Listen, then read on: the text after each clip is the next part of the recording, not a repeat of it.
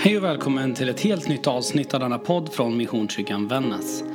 Vi hoppas att den här undervisningen ska hjälpa dig att ta nästa steg i din trosresa. Vill du veta mer eller få kontakt med oss så hittar du oss på www.missionskyrkanvannas.se eller på de vanligaste sociala plattformarna. Välkommen hem hit! Temat i kyrkoåret idag är frälsningen. Och den gammaltestamentliga texten är hämtad från Första Moseboks 45 kapitel och berättelsen om Josef. Kanske är det en berättelse ni, precis som jag, mest kopplar till barntimme eller söndagsskola. Så innan vi går till det som är dagens text så kommer här lite bakgrund. Josef föds som den elfte av Jakobs tolv söner. I barnens bibel och söndagsskoleberättelserna lär vi oss att Josef redan från början är speciell. Vilket dels kan bero på att han är efterlängtad på ett helt annat sätt än sina bröder. Han är nämligen det första barn Jakob får tillsammans med Rakel, som under många år varit barnlös, väntat och längtat. Och Rakel är inte vem som helst, utan hon är den Jakob älskar mest. Han har till och med arbetat i 14 år hos sin morbror Laban för att få Rakel till hustru. Så när Josef föds är det som ett kärleksbarn, en ögonsten för båda sina föräldrar. I Bibel 2000 står det om hur Jakob älskade Josef mer än alla sina andra söner och hur han låter göra en fotsid dräkt åt honom. En alldeles speciell rock eller mantel. Och kanske är det för dig precis som för mig att det är klädd i den där långa fotsida regnbågsfärgade rocken du föreställer dig Josef. Jag läser från kapitel 37. Men när bröderna såg att deras far älskade Josef mer än alla andra söner greps de av hat och kunde inte tala vänligt med honom. Josefs bröder blir avundsjuka, vilket är helt rimligt eller i alla fall helt mänskligt. Jag har många syskon och helt ärligt, det kan ibland vara svårt att inte fastna i jämförelser och avundsjuka. Man kan kanske tycka att det borde räcka där, att Josef sticker ut tillräckligt redan. Men så börjar han drömma. Josef får bilder och visioner av Gud som han liksom inte kan låta bli att berätta om. Det drömmarna har gemensamt att alla pekar på att hans bröder en dag kommer böja sig för honom, buga för honom. Vilket inte direkt gör deras hat mindre. När Josef är 17 år väljer bröderna att kasta honom i en torrlagd djup brunn. Men istället för att döda honom som de först tänkt säljs Josef, förmodligen för lite småpengar, till några förbipasserande köpmän. Sen river bröderna sönder hans vackra rock och går tillbaka med den till fadern som tror att Josef har blivit dödad av ett vilddjur. Vilket gör Jakob helt förkrossad och tröstlös.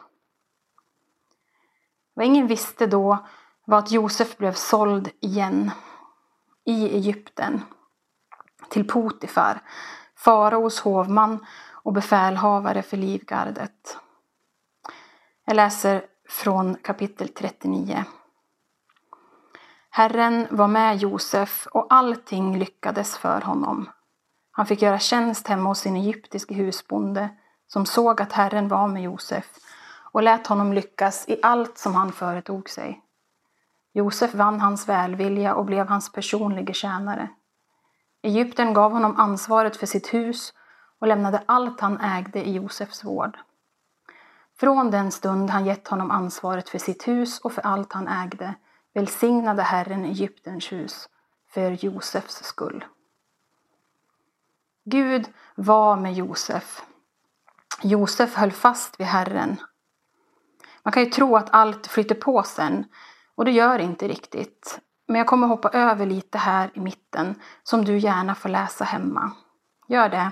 Ta en god stund och läs hela berättelsen om Josef i Första Mosebok kapitel 37 till 50. Josef hamnar i alla fall till slut hos farao för att tolka hans drömmar. Och Gud berättar för Josef vad faraos drömmar betyder. Att det ska bli sju år av överflöd med rika skördar och sen sju år av hungersnöd, av missväxt och svält.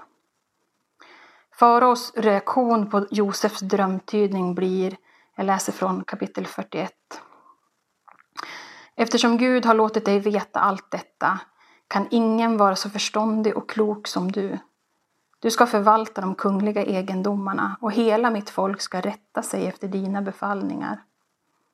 Så blir Josef styresman över hela Egypten, faraos närmaste man. Till och med när det såg ut som att allt gått fel så använde Gud Josef till att göra något gott. Han åkte runt i Egypten under åren av överflöd och rika skördar för att se till att spannmål samlades i lader, för att försäkra att man skulle spara till hungersåren som väntade. Och det är mitt under hungersåren som det som är dagens text kommer in. För ryktet har gått över den hungrande världen om att det finns spannmålsförråd i Egypten. Josefs bröder åker från Kanan till Egypten för att försöka köpa säd och hamnar helt ovetandes, öga mot öga, med en bror som de en gång sålt för några ynka slantar till förbipasserade köpmän. Bröderna faller bugandes ner inför överheten som har makt att avgöra om de ska få fortsätta hungra eller få tillgång till den sparade säden. Och även om de inte känner igen Josef så gör Josef det. Han vet precis vilka som kommit. Kanske är det också nu han inser att det var detta han har sett i sin dröm många år tidigare. Jag läser ifrån Första Moseboken kapitel 45, verserna 4 till 8. Då sa Josef till bröderna, kom fram hit. De gick fram till honom och Josef sa, jag är Josef, er bror som ni sålde till Egypten. Men var inte bedrövade för att ni sålde mig hit och förebrå er ingenting. Det var för att rädda liv som Gud skickade mig hit före er. I två år har det nu varit hungersnöd i landet. Då kommer fem år till då man varken ska plöja eller skörda. Gud skickar mig före er för att trygga er fortlevnad på jorden och för att bevara er vid liv och rädda många. Det är alltså inte ni som har skickat mig hit, utan Gud. Han har gjort mig till faraos främste rådgivare, till ledare för hans förvaltning och styresman över hela Egypten. Det här är liksom höjdpunkten, klimax eller crescendot i berättelsen om Josef och hans bröder. När Josef avslöjar vem han är och samtidigt säger att det inte är deras fel utan att Gud har haft sitt finger med i det som skett. Det var för att rädda liv som Gud skickade mig hit för er. Det är inte ni som har skickat mig hit, utan Gud, säger han. Jag har lite svårt att ta till med det, för det blir vid första anblick en krock med min gudsbild.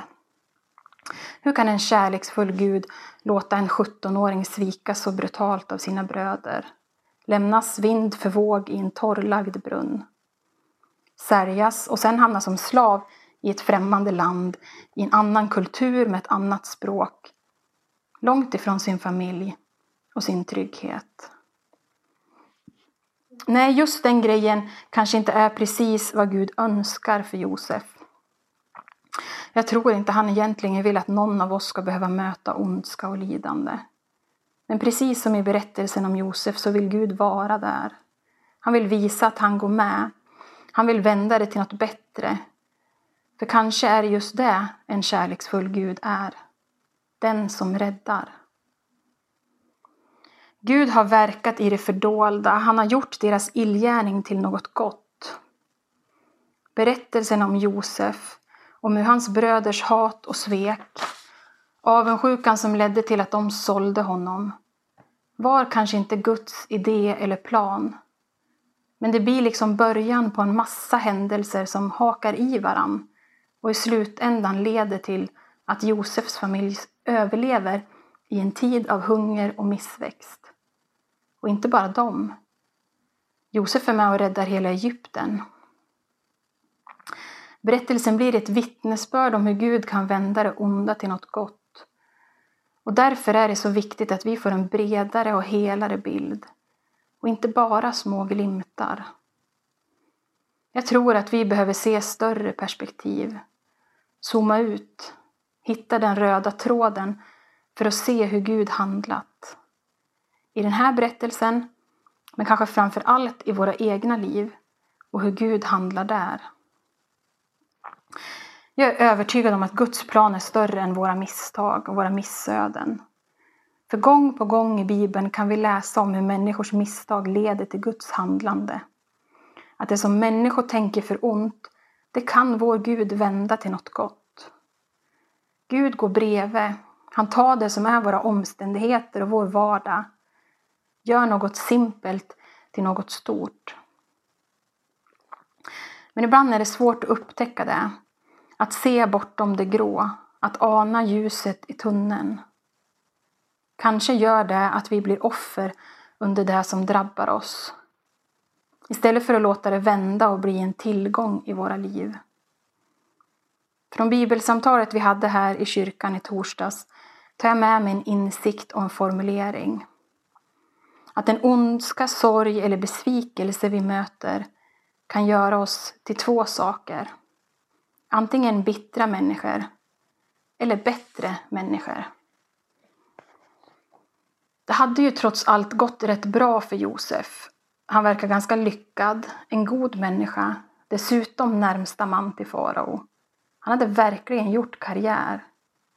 Men så slår det mig att det som gör honom lyckad är ju inte vart han finns på karriärstegen eller att hans öde vänt. Utan det är hans inställning som är lyckan. För det han har varit med om har inte gjort honom bitter, utan bättre.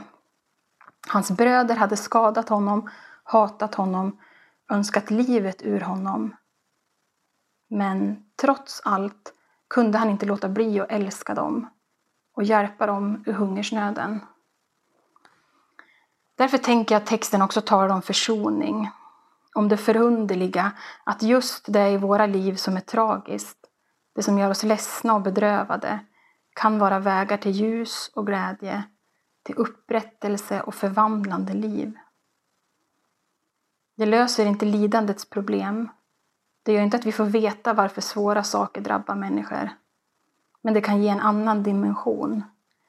Lidandet kan få en annan betydelse. Josef blev inte räddad genom att göra gott, utan han blev räddad för att göra gott. Och den räddning Gud gav Egypten och Jakobs söner och en massa andra folk, den räddningen ger han oss genom Jesus Kristus. Det är en av sakerna jag tar med mig från den här berättelsen. För jag tänker att den uppmanar oss att tänka större. Vi ska öppna våra hjärtan, för det har redan gjorts för oss. Jesus har räddat oss. Han har öst ur sina förråd, gått i döden och uppstått igen för att ge oss liv i överflöd. Och hur kan vi då göra annat än att visa den kärleken vidare? Vi, du och jag, kan göra som Josef. Vi får vara Josefar som låter det som är våra erfarenheter och nederlag bli tillgångar för andra människors skull. För att andra människor ska få räddning. Vi kan välja att faktiskt använda det där vi har sparat på oss i våra förråd under både goda, och sämre år. Både rent praktiskt, men kanske främst i form av erfarenheter. För att visa människor på något annat. Visa att det finns räddning mot det som är människors nöd. Jag läste någonstans att vi i vår tid har svårt att tala om det onda, om ondska och hur det också gör det svårt att tala om frälsning, om räddning. För hur talar vi om en frälsare, om någon som räddar, när vi har svårt att tala om den ondska vi behöver räddas ifrån? För den finns där, i oss, omkring oss, i tankar, ord och handlingar, fattigdom, våld, orättvisor, avundsjuka och jämförelse.